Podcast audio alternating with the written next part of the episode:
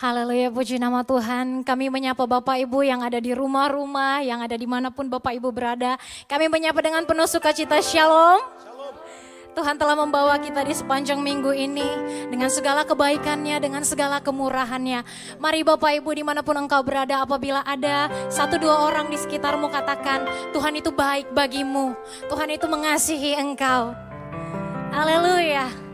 Biarlah kita bersuka karena kebaikan Tuhan. Mari bersama-sama kita bangkit berdiri. Bertepuk tanganlah Bapak Ibu di rumah-rumah. Kita mau merayakan kebaikan Tuhan bagi kita.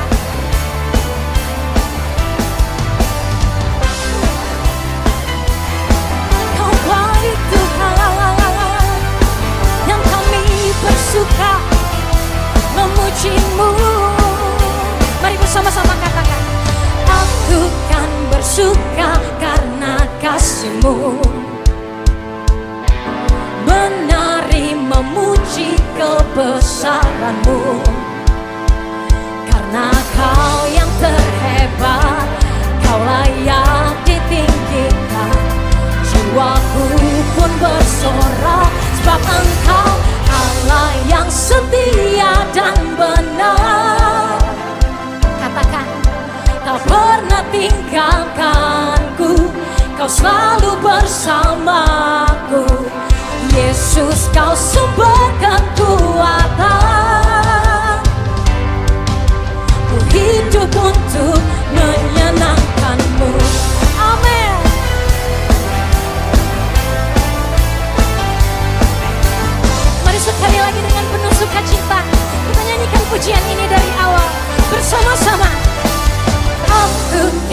bersuka karena kasihmu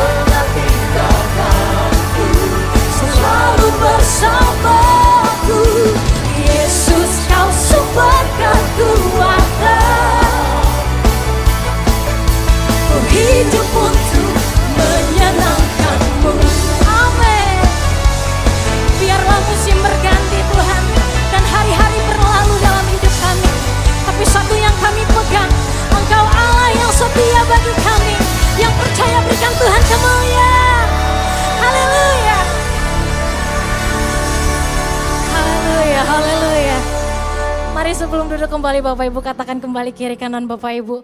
Tuhan itu senantiasa bersama-sama dengan engkau. Haleluya.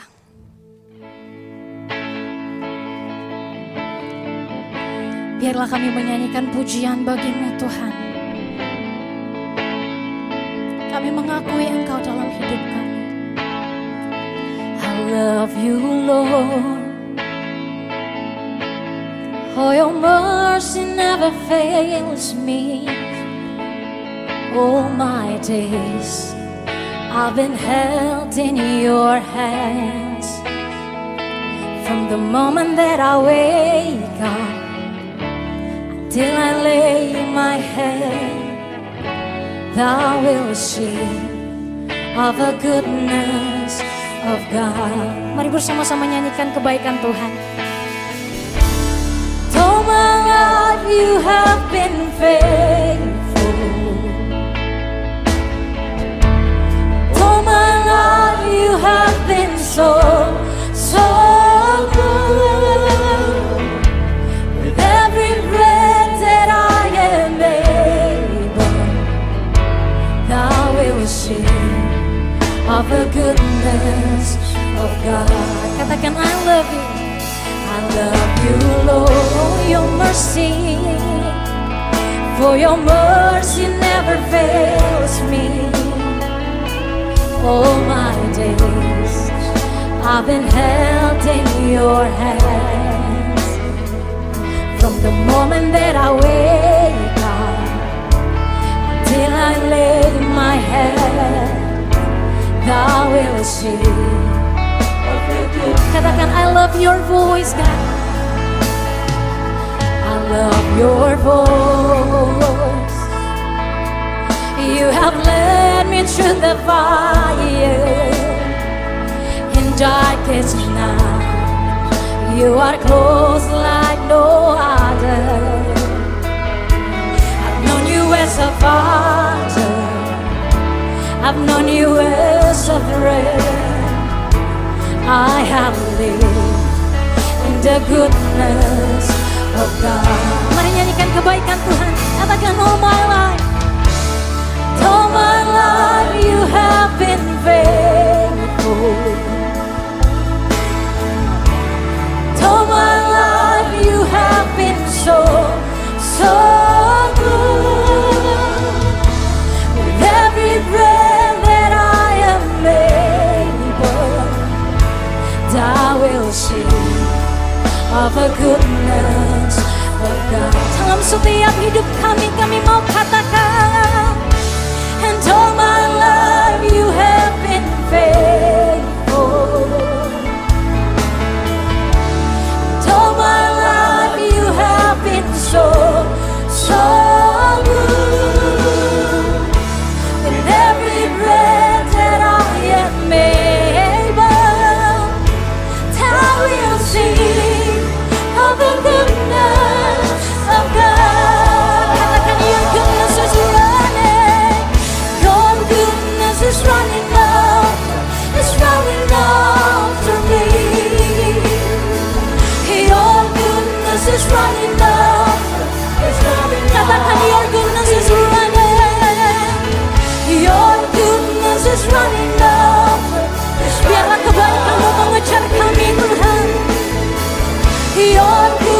is running after Is running after me. When my life laid down I'm now. I give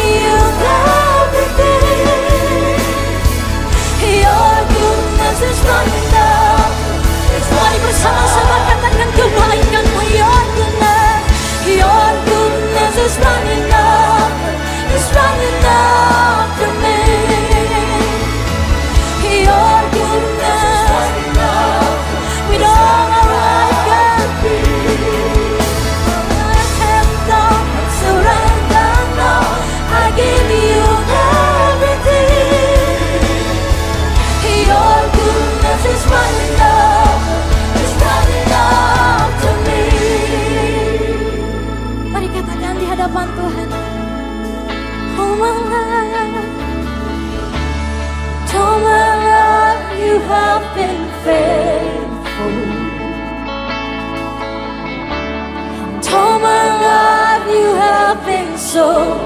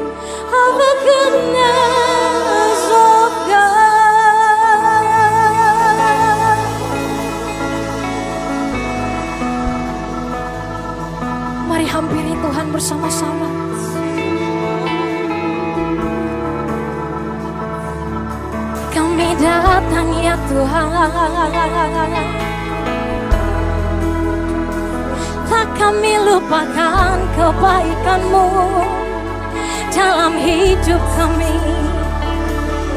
Ya kami datang bawa syukur bawa sembah bagi Allah kami. Ini syukur kami ini kasih kami buat kebaikanmu buat kesetiaan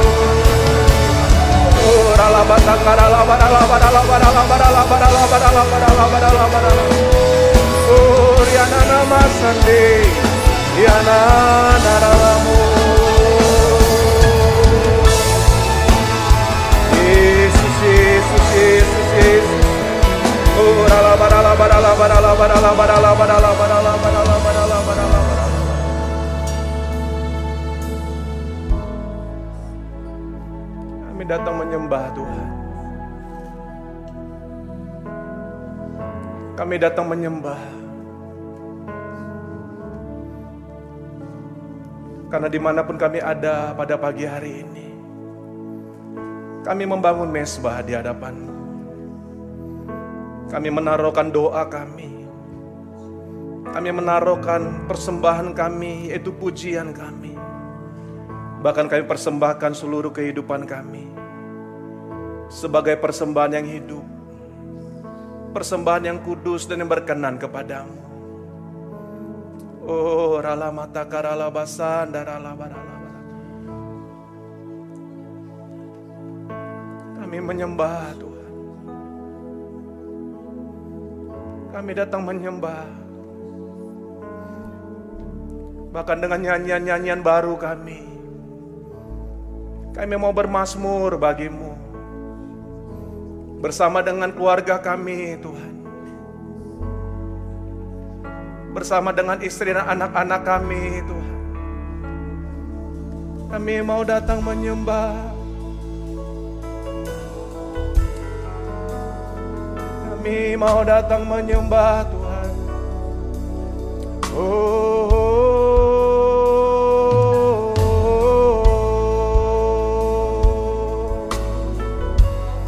Mari sekali lagi di mana pun engkau berada.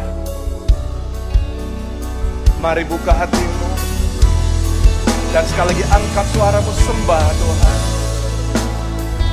Mari berikan nyanyian-nyanyian baru bagi dia. Karena engkau layak Tuhan. Kami bersama dengan seluruh orang percayamu. Kami datang menyembah. Kami menyembah. Oh.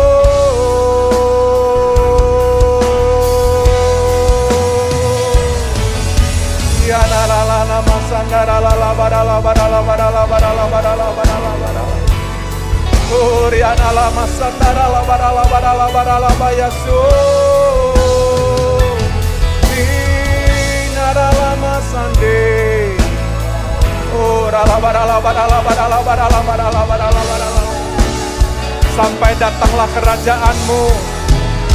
Dan jadilah kehendakmu di tempat ini seperti di surga ya Tuhan.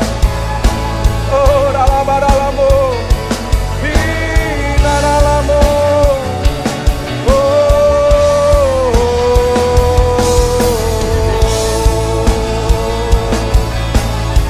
Yesus, Yesus, Yesus, Yesus. Oh dalam-dalamu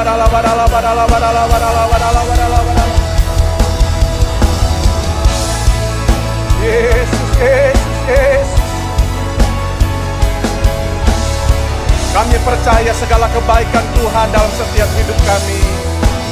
Aku percaya Tuhan ku aja Kau turun tangan Memulihkanku Aku percaya Tuhan ku dahsyat Kau turun tangan memberkatiku. Aku percaya Tuhanku ajar Kau turun tangan memulihkanku. Aku percaya Tuhanku dahsyat. Kau turun tangan memberkati saya aku percaya. Ini kepercayaan kami kepadamu Tuhan. Allah yang kami sembah Allah yang dahsyat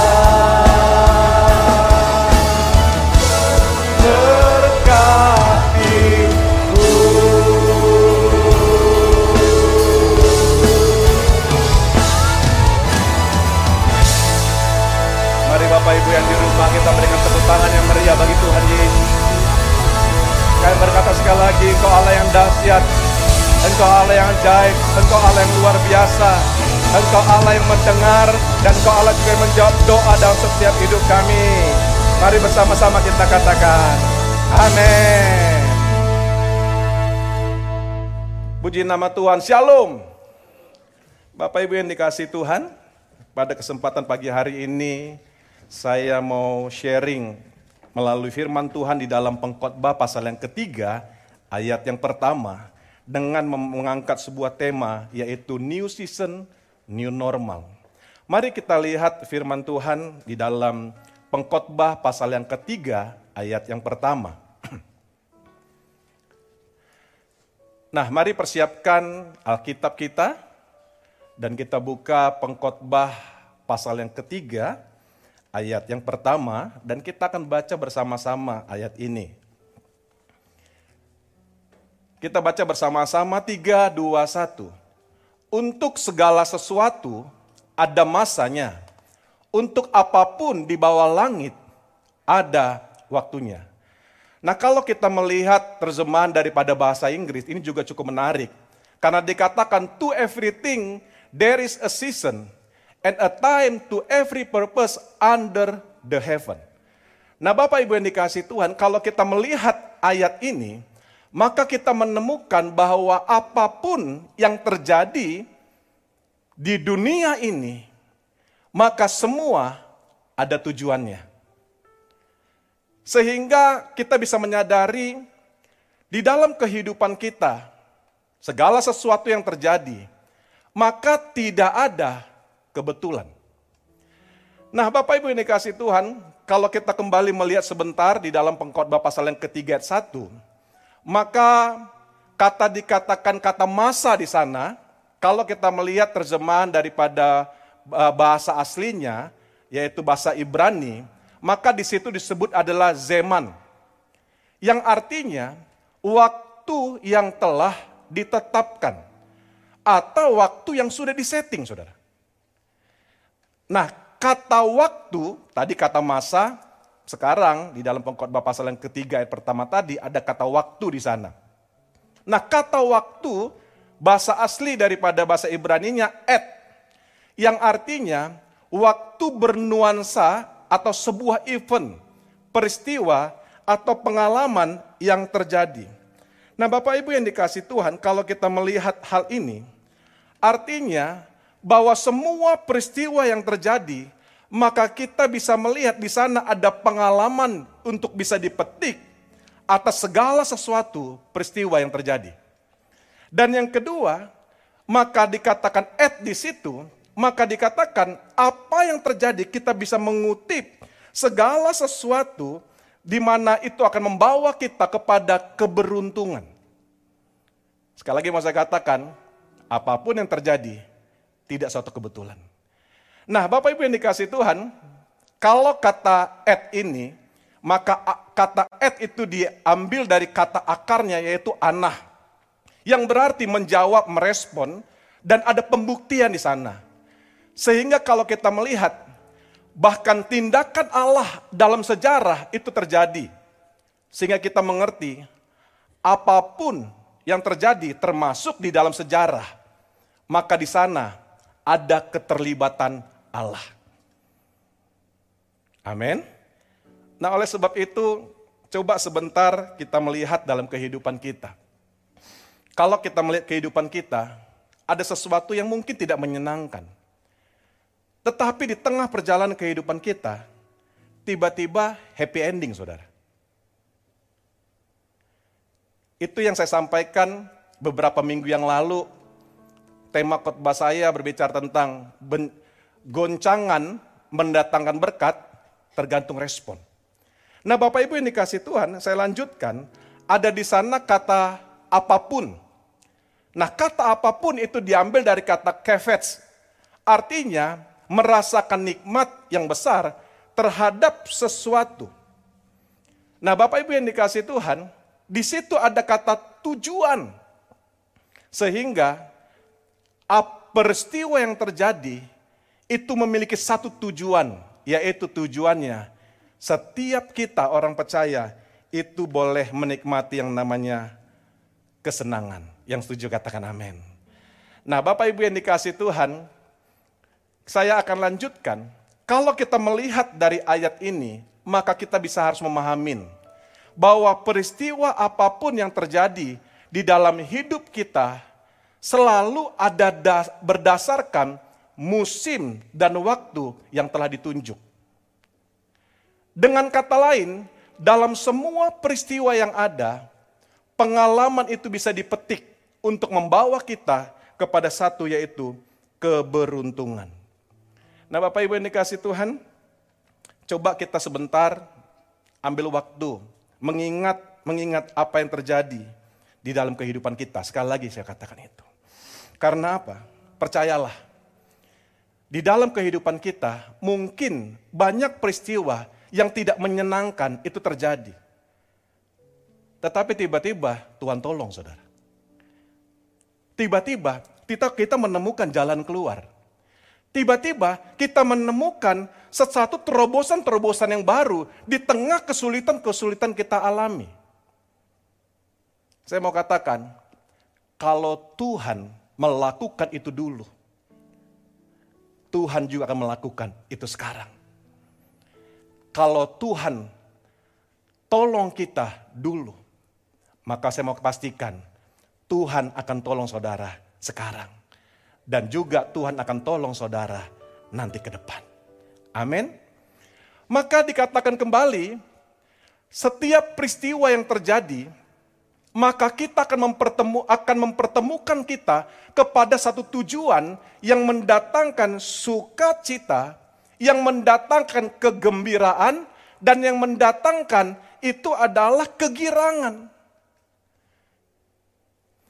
Bapak Ibu yang dikasih Tuhan, kalau kita kembali melihat di satu ayat Mazmur 90 ayat 10 yang biasa kita dengar bahkan di tengah-tengah penghiburan, maka Mazmur 90 ayat yang ke-10 dikatakan umur manusia itu 70 sampai 80 tahun. Maka apa yang terjadi? Di dalam Mazmur 90 ayat 10 ini, maka ada satu kebanggaan yang Tuhan tulis.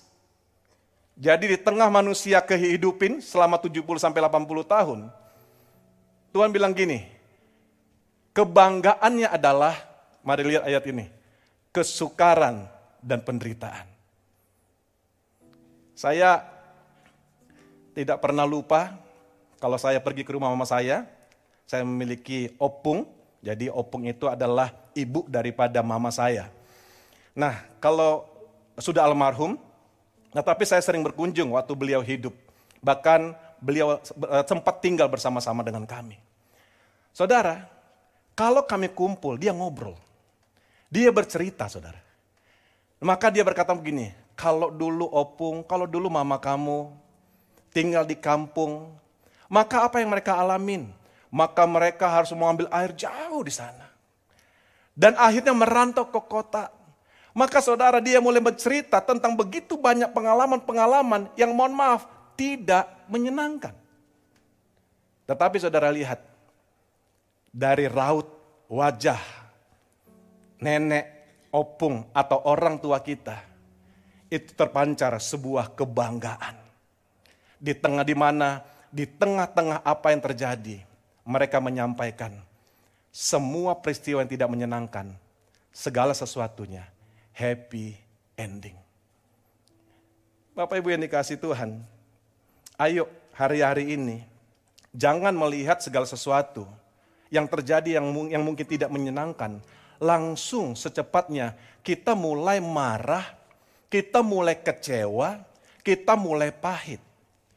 Bahkan ada beberapa orang di tengah-tengah rumah tangga dan keluarga begitu mengalami permasalahan, saya mau katakan pada hari ini, jangan cepat-cepat mengambil keputusan untuk memutuskan hubungan satu dengan yang lain.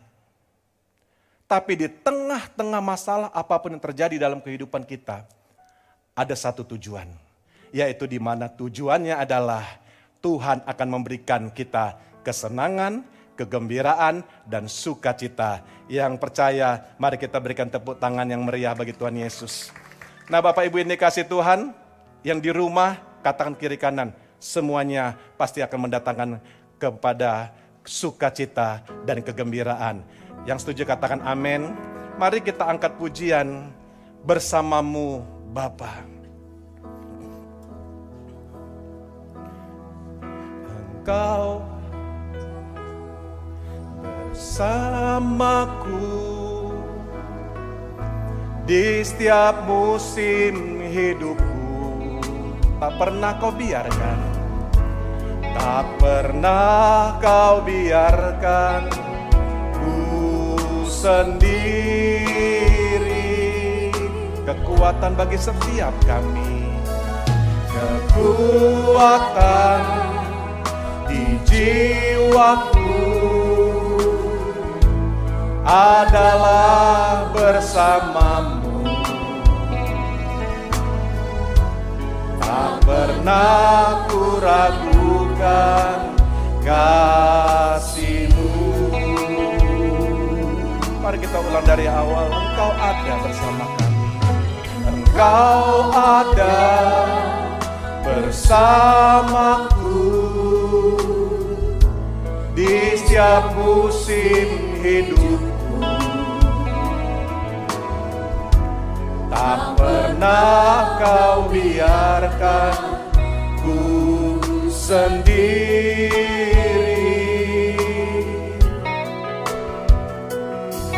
Kekuatan di jiwaku adalah bersamamu. Tak pernah ku kasihmu. Bersamamu Bersamamu Bapa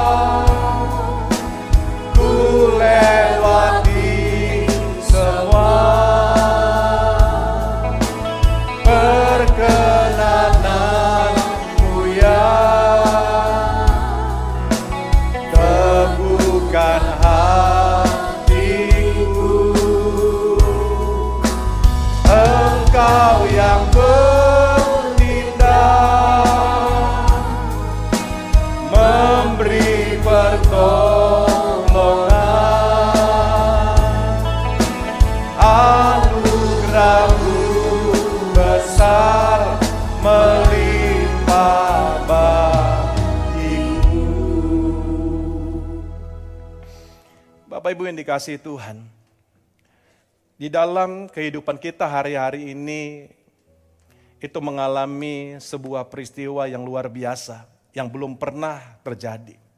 Di mana pandemik COVID-19 itu mulai menggerus kehidupan orang dan juga pekerjaan, hak sosial kita, budaya, termasuk mungkin di dalam kehidupan pelayanan kita. Maka pandemi COVID-19 itu mulai menggerus dengan cara yang luar biasa.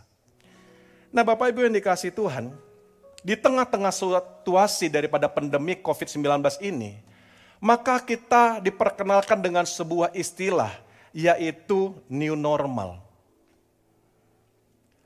Waktu saya melihat apa sih arti daripada new normal ini, maka definisi new normal menurut tim pakar gugus tugas pemercepatan penanganan COVID-19, yaitu Wiku Adhisa Smita, maka dia berkata begini, new normal adalah perubahan perilaku untuk tetap menjalankan aktivitas normal, namun dengan ditambah menerapkan protokol kesehatan guna mencegah terjadinya penularan COVID-19.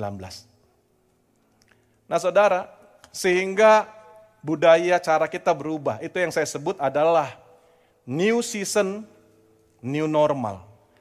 Di mana satu musim, maka ada satu kenormalan yang baru. Maka BNPB itu mulai menyampaikan, mensosialisasikan bagaimana kehidupan dalam dalam masa pandemi COVID-19 ini, yaitu kehidupan new normal. Nah mungkin ini bisa menjadi pelajaran juga bagi setiap kita. Nah waktu kita mulai belanja, ini contoh, maka kita harus menggunakan baju lengan panjang, kita menggunakan masker, kita menggunakan sarung tangan, kita membawa hand sanitizer, dan kita mulai mempajib menggunakan yaitu uh, masker di mana pun kita pergi waktu berbelanja. Nah ini tips saudara, sosialisasi yang diberikan oleh BNPB. Dan kalau bagaimana kalau kita mulai beraktivitas di, rumah, di luar, maka saudara, dulu tas kita mungkin isinya yang lain, tapi saudara, dalam new normal ini, dalam musim yang baru ini, ada sesuatu yang baru.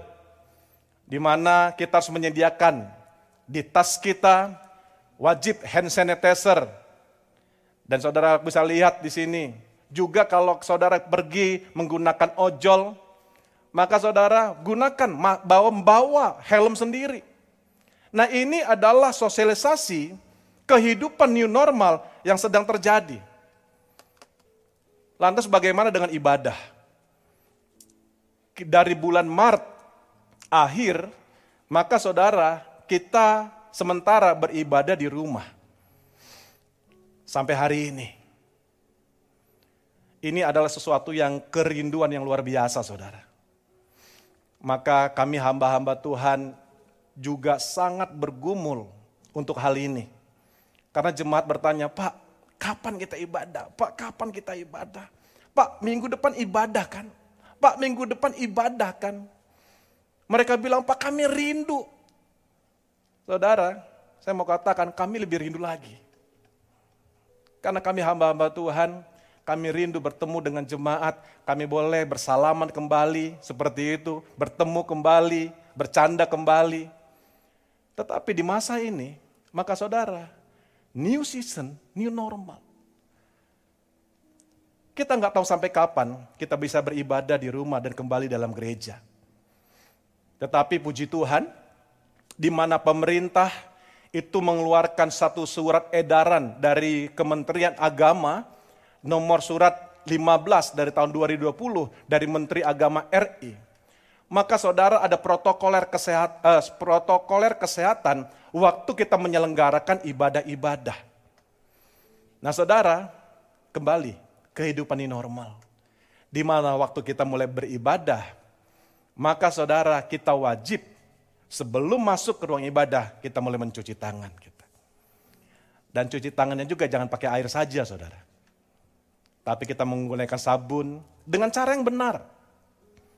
Dan waktu kita mulai masuk, maka kita kembali dicoba uh, dites suhu badan kita. Nah kalau normal, maka saudara kita lanjut berikutnya pada step yang berikutnya di mana kita memberikan salam satu dengan yang lain. Kalau dulu salam dengan jabatan tangan, kalau dulu juga kalau dekat kita mulai berangkulan satu dengan yang lain. New season, new normal. Maka kita memberikan salam yang berbeda, yaitu menaruhkan tangan kanan kita di dada dengan kata salam sehati. Yang bisa diterjemahkan begini, kamu tuh tetap ada di hatiku, ah begitulah saudara. Dan masuk waktu beribadah itu lebih menarik saudara. Maka semua kita wajib menggunakan masker selama ibadah. Dan duduknya dulu itu rapat-rapatan saudara. Sekarang nggak bisa lagi. Gereja kita menetapkan 1,8 meter. Jarak satu dengan yang lain. Nah saudara, ini adalah satu standar dari mana kita mulai beribadah dengan cara yang baru. Mungkin Bapak Ibu juga bertanya, Pak, keluarga besar Medan Plaza, kapan mulai beribadah? Ah, berdoa. Berdoa. Gereja ini, para pemimpin kita sedang mempersiapkan segala sesuatu dengan baik. Sehingga waktu jemaat datang, maka mereka datang itu dengan nyaman, dengan aman. Sehingga waktu kita mulai ada di rumah Tuhan, semuanya dalam segala suatu baik.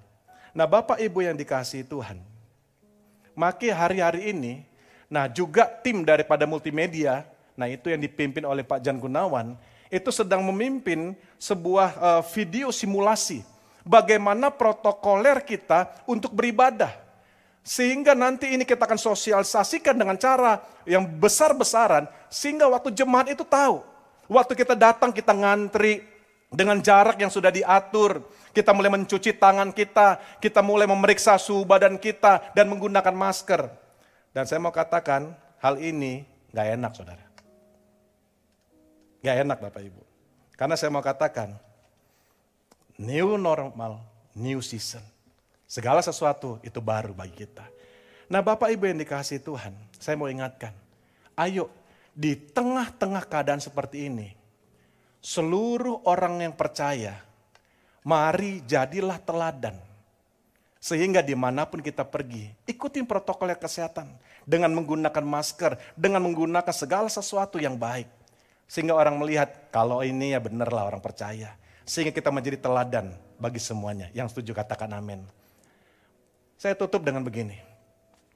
Di tengah-tengah new season, new normal ada satu kebiasaan yang baru.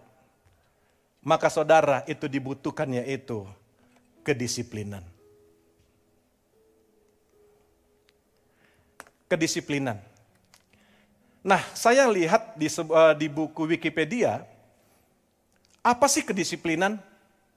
Maka dikatakan gini, kedisiplinan adalah perasaan taat dan patuh terhadap nilai-nilai yang dipercaya merupakan tanggung jawabnya. Jadi saudara, di disiplin itu gini, ada ketaatan, perasaan patuh terhadap nilai-nilai yang dipercaya. Jadi nilai-nilai yang sudah ditetapkan. Maka saudara kedisiplinan itu bicara tentang satu ketaatan, satu kepatuhan. Dan saya lihat lagi tentang kedisiplinan diri.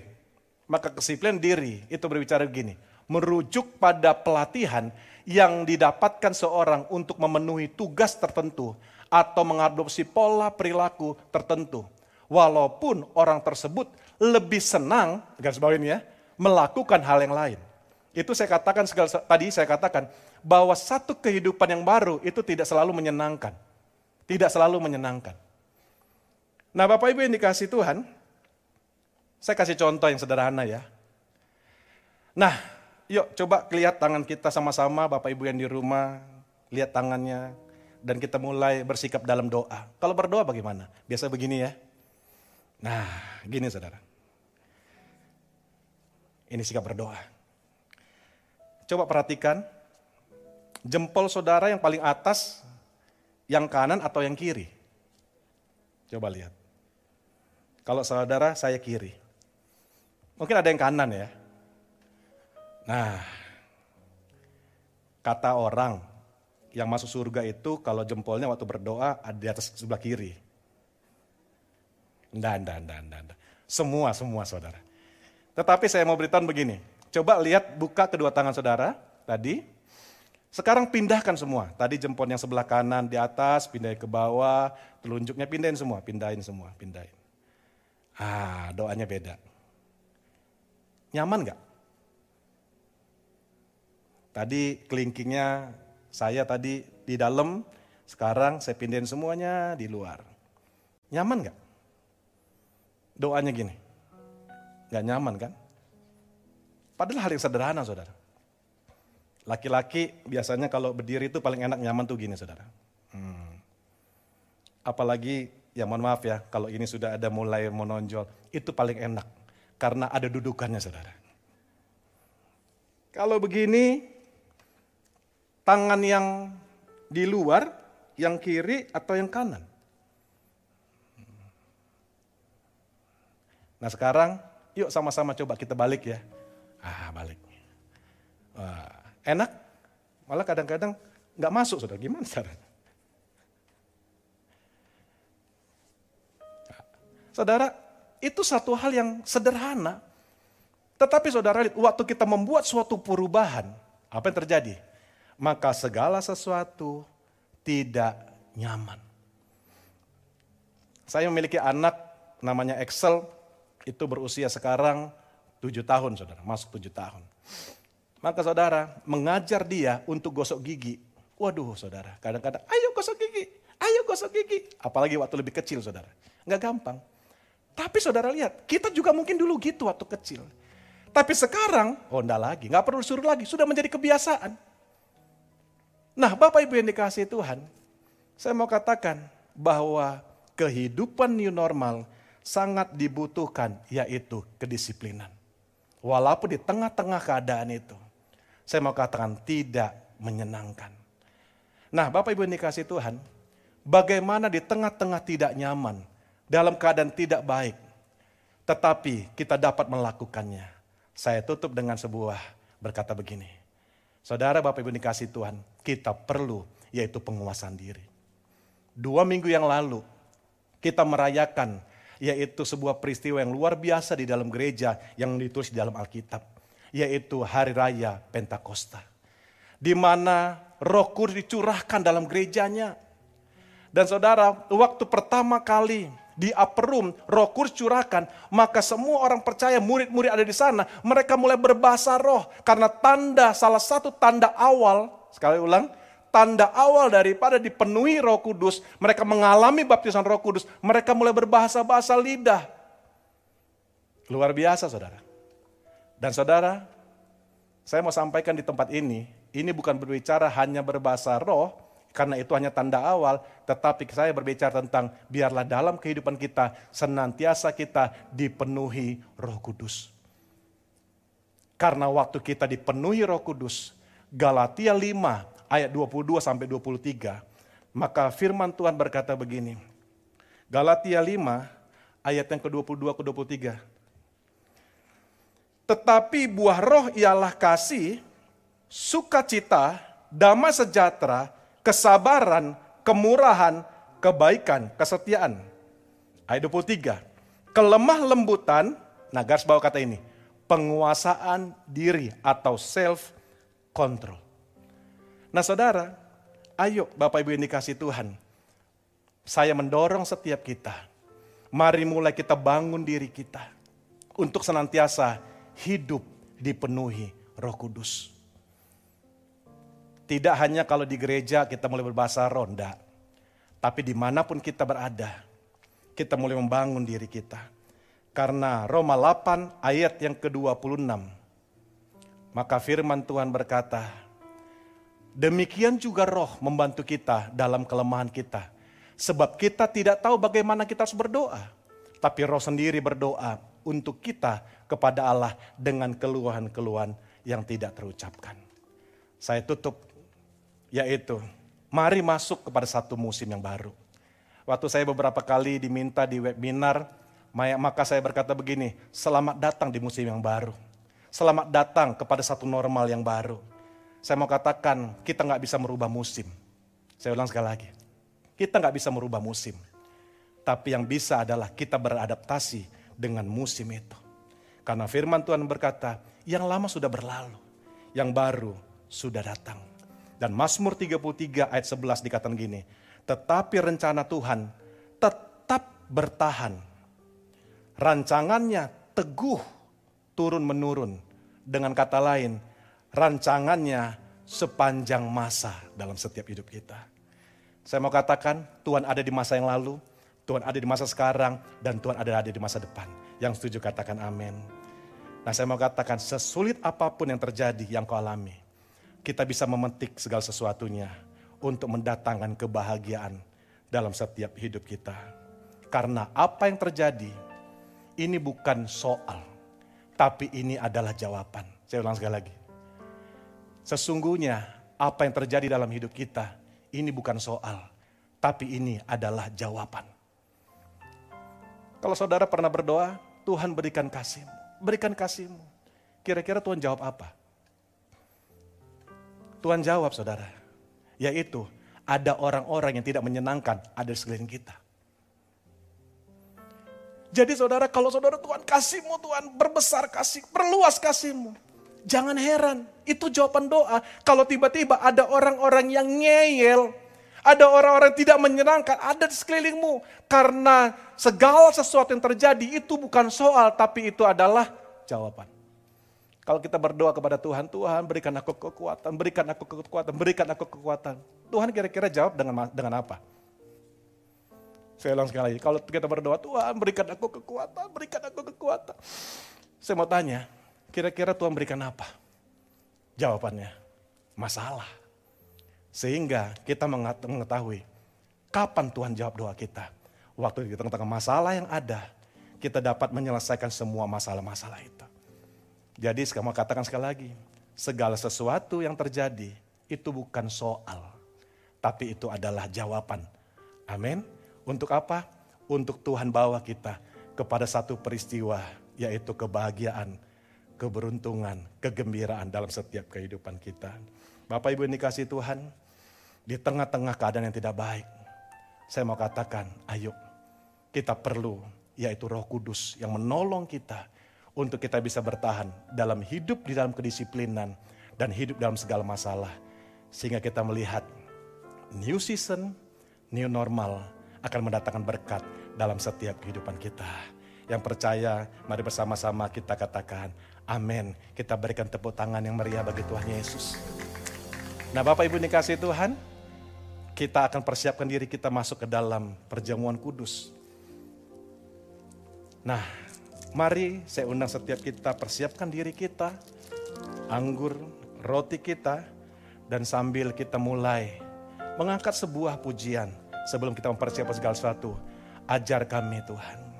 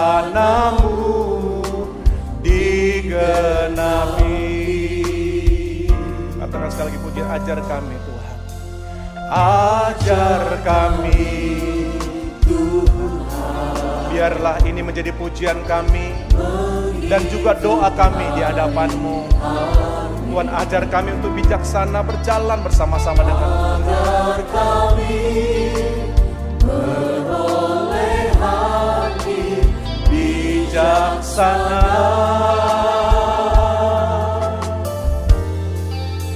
Ajar kami Bapa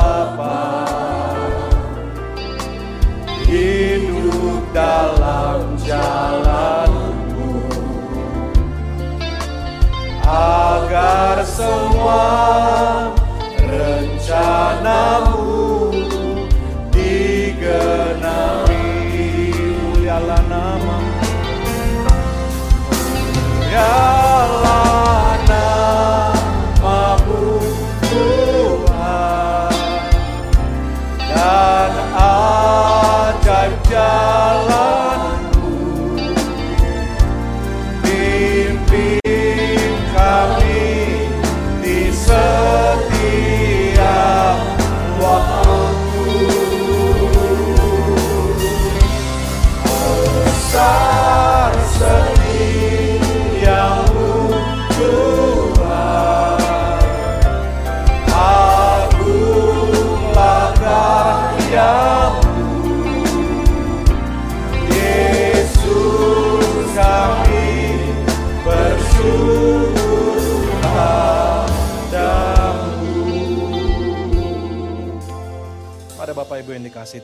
masuk dalam perjamuan kudus Sebab apa yang telah kuteruskan kepadamu telah aku terima dari Tuhan. Bahwa Tuhan Yesus pada malam waktu diserahkan mengambil roti. Mari kita angkat roti tangan kita tinggi-tinggi. Dan sudah itu yang mengucap syukur atasnya. Ia memecah-mecahkan dan berkata, Inilah tubuhku yang diserahkan bagi kamu. Perbuatlah ini menjadi peringatan akan aku. Jemaat dikasih Tuhan bukankah roti yang tangan kita adalah persekutuan kita dengan tubuh Kristus? Makanlah dalam nama Tuhan Yesus.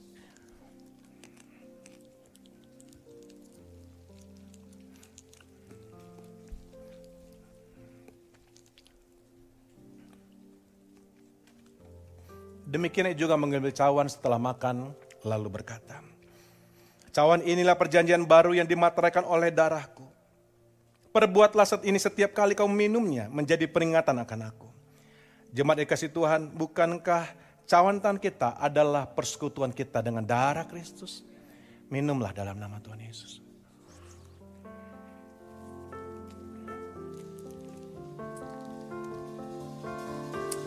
Mari mulai kita buka kedua tangan kita.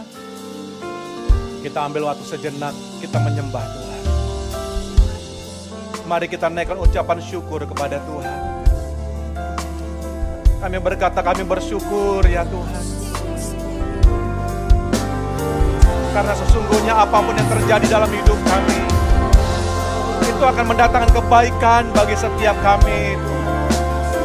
Karena rancangan rencana Tuhan adalah rancangan yang penuh damai sejahtera.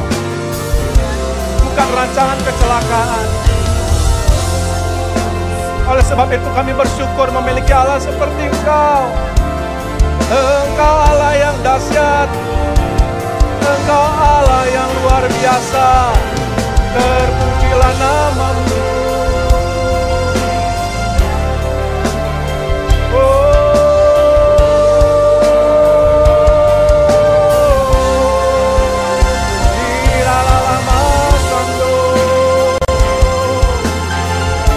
Tuhan dari masa ke masa Engkau Allah yang mengkontrol segala sesuatunya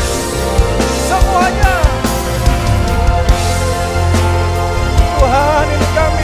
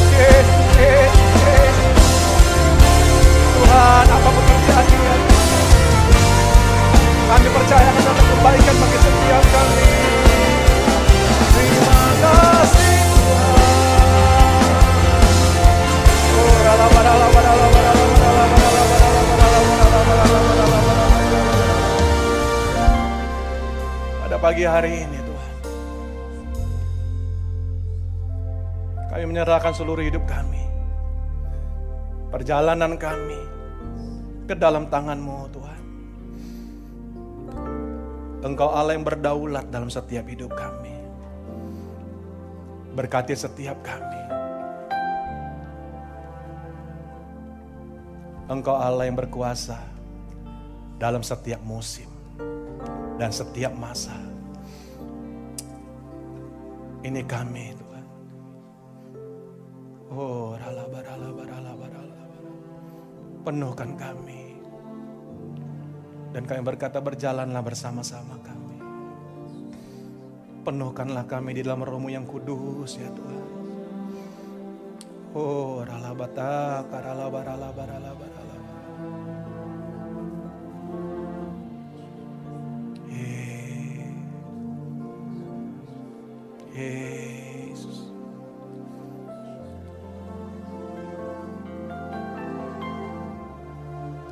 kalau di antara kami ada yang lelah dan letih dengan semua peristiwa yang terjadi.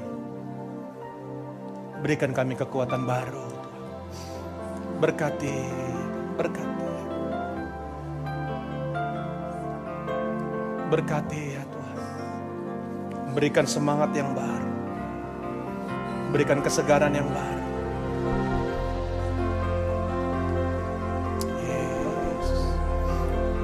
Kesegaran-Mu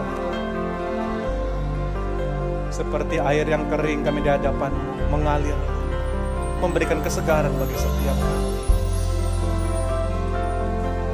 Terima kasih terima kasih. Oh rala. kalau sebentar kami akan menutup ibadah ini. Sekali lagi kami angkat kedua tangan kami. Kami membuka hati kami. Mari setiap indikasi Tuhan biarlah kiranya Tuhan menyertai engkau dengan berkat daripada Allah Bapa, kasih yang sempurna daripada Tuhan Yesus Kristus, serta persekutuan yang masih kuat kuasa Roh Kudus, menyertai kita, memberkati kita hari sampai selamanya, sampai Maranatha itu adalah dua kali menjemput kita di awan-awan permai. Mari setiap kita yang percaya berkati bersama-sama kita katakan, Amin. Valeu,